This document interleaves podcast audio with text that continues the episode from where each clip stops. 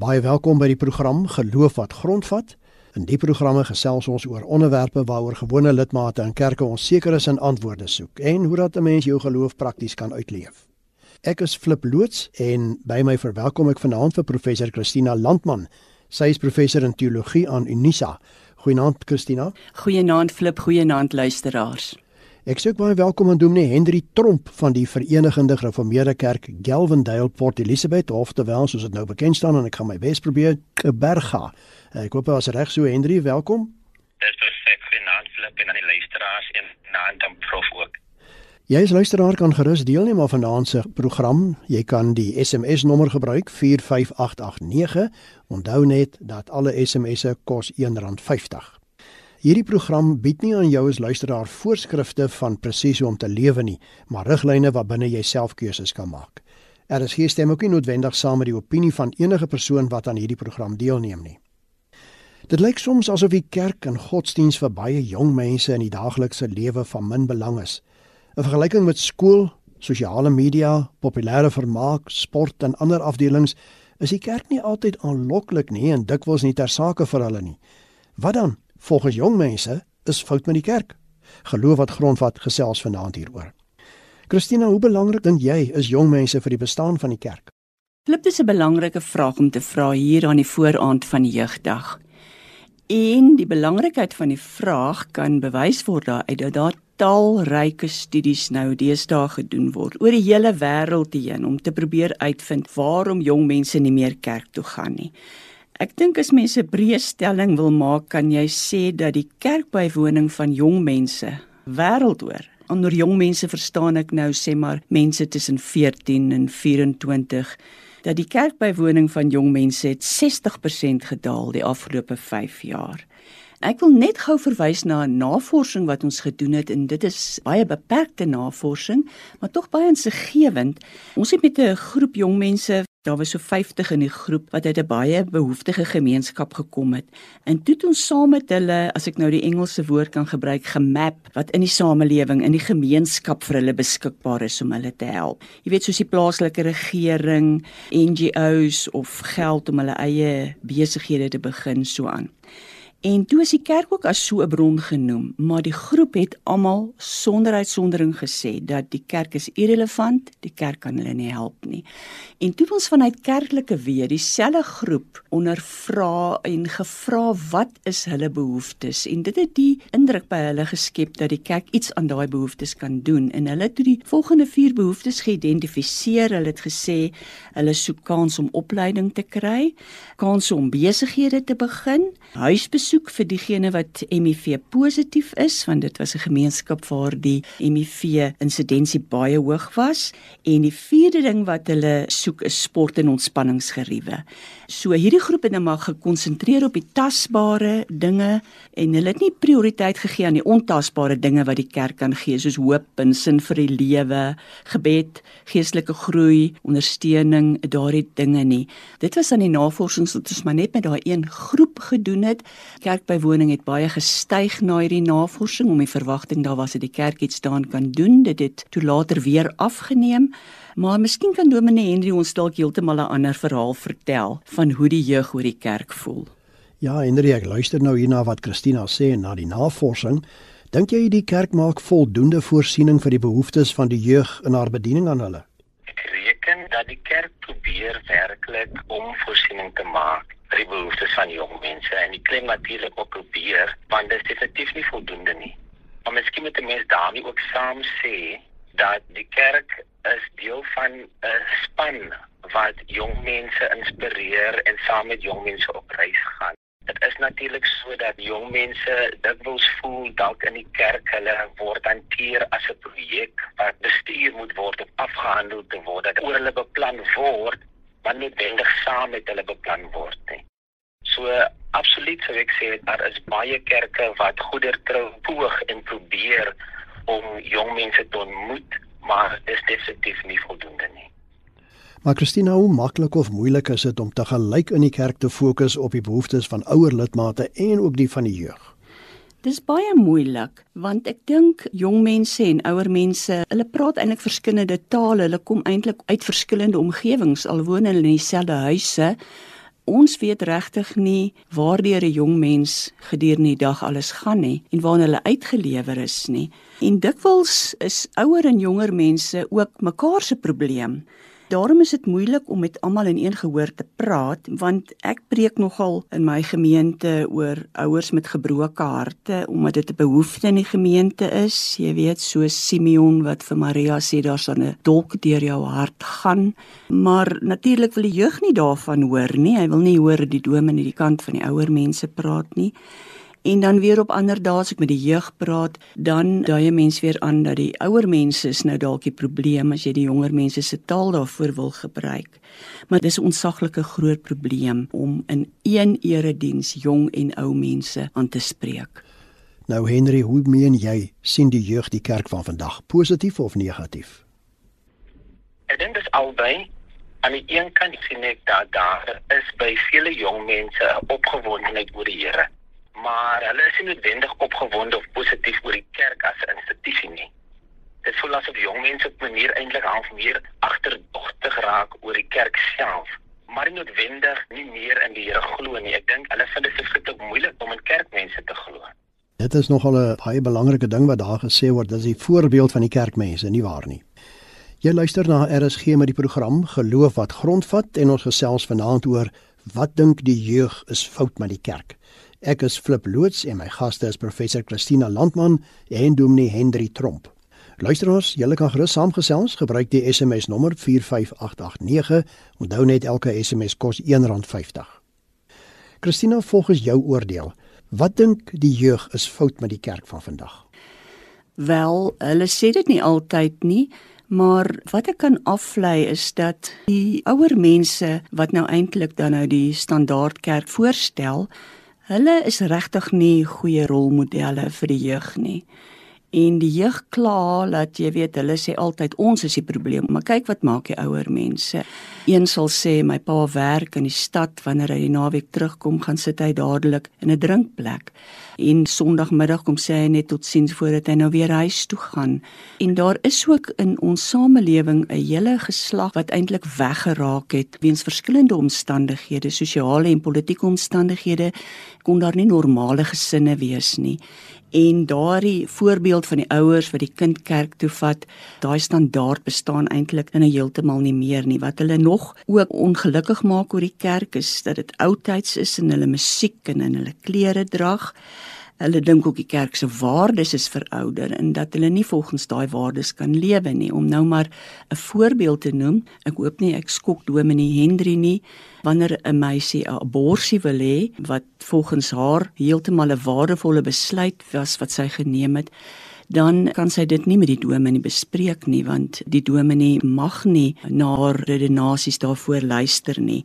Baie van die jong mense sien ook godsdienst as bygeloof en die ouer mense is nie in staat om die jonger garde te oortuig dat godsdiens 'n lewenstyl is, 'n beproefde en 'n God geïnspireerde lewenstyl is wat die moeite werd is om te volg nie.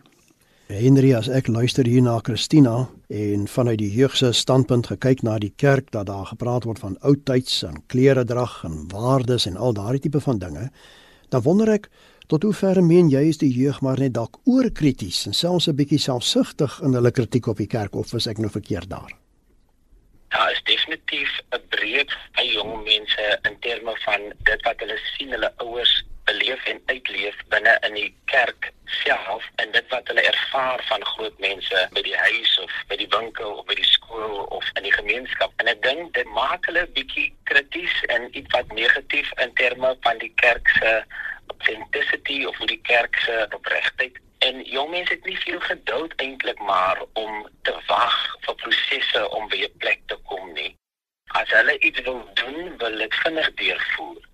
En soms dit voel dit dalk net vir hulle prosesse in die kerk is soos 'n nat kombers wat op 'n vuurtjie gegooi word en die vuurtjie versmoor. So daar is definitief kritiek wat legitieme waarde het, maar dit is ook belangrik dat jong mense ook saam met groot mense en net mekaar geduldig sal wees en verdraagsaam sal wees in die saamloop as 'n gemeentefamilie. Christina as Henry sê jong mense en die ouer mense moet saamloop met mekaar in hierdie Christelike familie. Wie moet die eerste tree gee om beter verhoudings met mekaar daar te stel, die kerk of die jeug? Flip jou, ek sal graag wil hê dat Dominee Henry ook vir ons 'n bietjie moet vertel watter programme met die jeug werk volgens sy ervaring, want hy werk baie met die jeug. Wat is daar wat die kerk eintlik dan nou fisies en prakties kan doen? Natuurlik wat hy gesê het wat baie belangrik is is die kerk moet na die jeug se behoeftes luister. En baie van hulle behoeftes besef hulle nie is geestelike behoeftes nie, maar hulle wil dit uitgeleef sien daarin dat die kerk hulle prakties by staan. Ek kan miskien so een of twee dinge noem wat ek al gesien het gewerk het. In 'n gegoede buurt of in 'n middelklas buurt kan daar iets soos die Coffee and Deeds program werk. En dis 'n konsep dat die jeug beman 'n koffiekroeg en hulle bedien dan die koffie aan ander jeug. Hulle maak eintlik 'n inkomste daaruit, maar die menu het twee dele. Een deel kan jy bestel koffie en koek of wat jy ook al wil bestel, 'n broodjie. En dan met elke ding wat jy bestel, kies jy 'n goeie daad waaraan jy jouself vasmaak. En dit het daartoe gelei waar ek dit nou al gesien het dat daardie jeug heeltemal 'n Christelike identiteit vorm waar volgens hulle geld kan insamel, 'n deel daarvan gaan na hulle self, 'n deel gaan na die kerk en op daai manier het hulle so 'n Christelike identiteit gevestig wat hulle dan ook uitdra in die gemeenskap. Maar in ander gemeenskappe, veral gemeenskappe waar die jeug werklik ontsaglike behoeftes het in terme van dwelmberading en HIV-berading, kinders wat nie meer deur die skool matriek kan maak nie, wat deur die skool uitgeskop is en wat nou nie meer skoolpligtig is sodat die skool hulle moet vat nie. Daar dink ek kan die kerk inkom en probeer om daai groepe mense bymekaar te kry en vaardighede in te voer.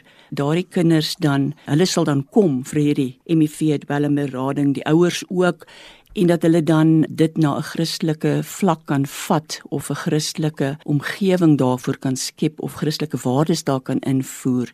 Daai program het ek gesien werk in gemeenskappe waar daar geweldige behoeftes is. Die ongeluk is net dat die kerk self is ook arm. Die kerk het nie geld om daardie goed te doen nie. Dikwels is die dominee 'n tentmaker wat beteken dat hy of sy is net deeltyds daar en nie aanhoudende toesig kan hou oor hierdie programme en soos hulle loop nie. Hendrie wil jy byvoeg? Ek reken dat wanneer 'n mens met jong mense in die kerk self te doen kry, is dit belangrik om in die eerste instansie na hulle te luister om te hoor wat is hulle hartklop. Daar's 'n groeiende behoefte by jong mense om bruikbaar te wees, om diensbaar te wees in die koninkryk. Hulle wil nie net kom sit en leer en hoor nie, maar hulle wil eintlik ook doen. Ek praat spesifiek hiervan om mense te jaag om 'n huis te gaan verf of 'n skool se perseel op te knap. Wanneer hulle iets doen, dan gebeur iets in terme van hulle self, hulle eie mens wees, maar ook in terme van hulle geloofservaring. Een van die goed wat ek dink wat baie meer kan op fokus is om jong mense te help om diensbaar te wees in hulle onmiddellike gemeenskap.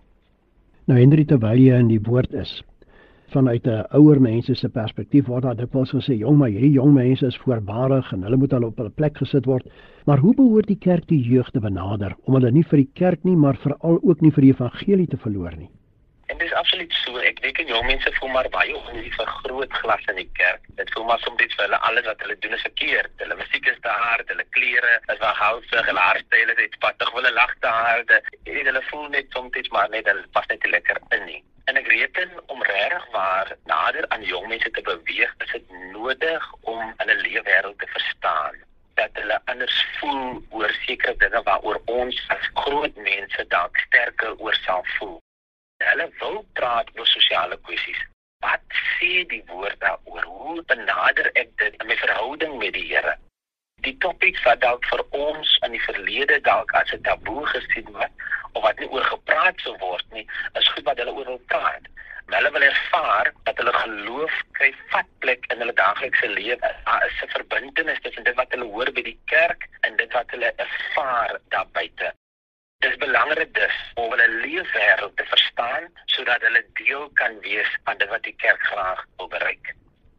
Dit is RSG met die program Geloof wat grondvat en ons gesels vanaand oor wat dink die jeug is fout met die kerk. Ek is Flip Loots en my gaste is professor Christina Landman en Dominee Henry Tromp. Onthou nog luisteraar, jy is welkom om jou opinie deur te gee. Jy kan die SMS nommer gebruik 45889. Die SMS se kos natuurlik elkeen R1.50. Christina, hoe nou gemaak indien die jeug eise van die kerk stel wat laasgenoemde nie voorkaas sien nie? Ek dink nou hier aan meer moderne sang en musiek, meer informele eredienste, minder rigiede wette om volgens te lewe en so kan ek seker aangaan. Ja, die moeilikheid is nou flip dat ons het nou natuurlik ook al studies gedoen oor hoe getraumatiseerd ouer mense raak wanneer die musiek in die liturgie en die taal in die kerk verander.